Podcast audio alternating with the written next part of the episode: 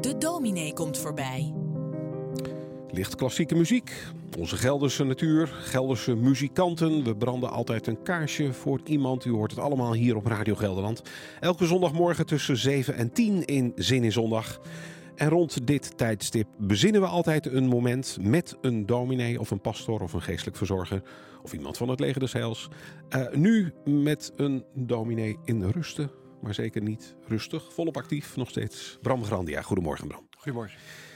Um, ik ken u inmiddels al een uh, tijdje um, en ik denk dat ik u ken in de zin van dat u graag over kerkmuren uh, heen kijkt, omdat u begaan bent met de wereld om ons en om u heen. Uh, straks daar meer over, weet ik zeker. Uh, maar hoe kijkt u naar uh, Oekraïne en Rusland? Alle onrust en zorgen en verdriet. En wij zitten hier vredig en wel met een zonnetje en mooie muziek in de studio. Dat, dat viel me op op weg hier naartoe rijdend. Dan hoor je over een kievits-ei prachtig. Dan denk ik, dat zou iedereen moeten kunnen doen. En dan realiseer je dat we leven op dit moment met een verschrikkelijke ramp in, in Europa. En dat gaat onder onze huid zitten. En dat doet iets met ons. En je had gedacht dat dat nooit meer zou gebeuren. En het, ge het gebeurt wel. En dat is verschrikkelijk. Ja. ja. ja. Um, mogen we even vooruitkijken? Voor zover dat lukt hoor. En hopen op betere tijden. Uh, hoopt u ergens op? Droom, droomt u ergens over in dit verhaal? We, weet je, ik hoop ontzettend dat, dat al die oude, prachtige bijbelse, bijbelse beelden van, van uh, de leeuw en het lam die samen zullen weiden. De beer Poetin en, en, en de koe die weer samen een wij zullen. Het, het, het, ik hoop het. En ik snap die beelden nu ook steeds beter. Dat is altijd het verlangen geweest dat je, dat je de oorlog en de vijandschap te boven komt. Naïef zeggen velen, maar ja, mag het. daar wil ik graag in geloven, ja. toch, in die naïviteit. Ja, ja. ja. Uh, we gaan zo dadelijk luisteren naar uw overdenking uw gedachten. Uh, aansluitend heeft u uh, muziek uitgezocht. Waarom juist dat stuk zo dadelijk? het is een Kyrie Eleison vanuit Kiev. Ik vind Russisch-orthodoxe muziek prachtig. Ik vind het ook schitterend als het in kerkdiensten gebruikt wordt. En ik dacht, dat is muziek die hoop ik de oorlog overstijgt.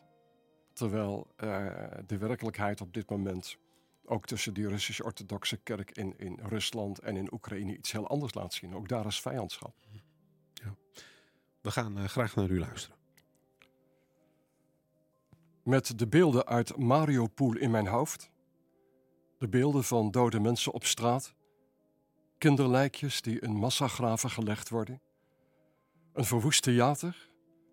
En een verwoeste kazerne met wie weet hoeveel doden met de beelden van die hel in mijn hoofd kijk ik naar de Poetin-show in het stadion, waar Poetin blij aan zijn uitgelaten publiek vertelt hoe hij bezig is om zijn Oekraïne te bevrijden van de nazi's en de genocide. Ik hoor hem zeggen: Mij schoot deze dagen een Bijbeltekst te binnen. Niemand heeft grotere liefde dan wie zijn leven geeft voor zijn vrienden. Dat is wat wij doen in Oekraïne. We geven ons leven voor onze vrienden. Hoe durft hij? Poetin is een Russisch-orthodox christen.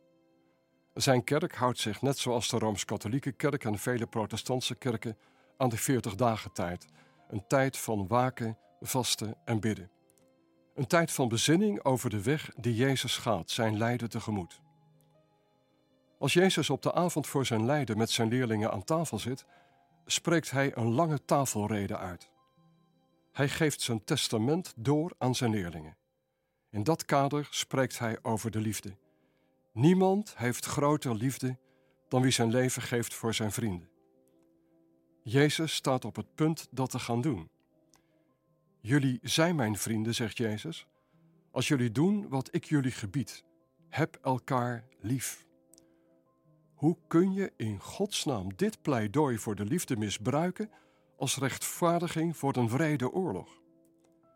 Poetin doet het, daarin gesteund door de patriarch van de Russisch-orthodoxe kerk Kirill.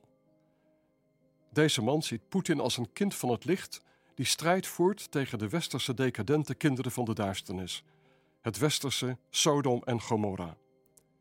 Is dat het geluid van de kerk? In Rusland blijkbaar wel. Ik geef toe dat ook het Westen er wat van kan als het erom gaat God voor de oorlogskar te spannen. En wat is het geluid van Paus Franciscus dan authentiek en oprecht? Hij roept iedere zondag, haast iedere dag opnieuw op om in Gods naam te stoppen met de bombardementen. Om de mensen de mogelijkheid te geven via corridors weg te komen, om aan de onderhandelingstafel te gaan zitten. Krachteloos?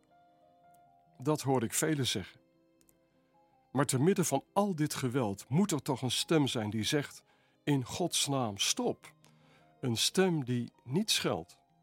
Een stem die geen olie op het vuur gooit. Een stem die niemand vernedert, de haat niet vermeerdert, maar een stem die roept: Kyrie eleison, Heer, ontferm u, erbarme dich. Mijn vrouw en ik luisteren thuis naar muziek die die roep, dat gebed laat klinken. We doen dat ook om de haat in onszelf niet te laten groeien. Om na te denken over Jezus, die tot op het laatst opriep de ander, ook de vijand lief te hebben. Een onmogelijke opdracht? Niet voor hem. Ook niet voor Paus Franciscus. Ik hoop dat we luisteren naar zijn stem, die deze week tegen patriarch Kirill zei: Oorlogen zijn altijd onrechtvaardig, want het is het volk van God dat betaalt. Onze harten kunnen niet anders dan wenen voor de kinderen, de vrouwen die gedood zijn, alle slachtoffers van de oorlog. Oorlog is nooit de manier. En ik bid, mogen de zee van bloed en tranen Poetin bereiken en tot inkeer brengen. Kyrie eleison.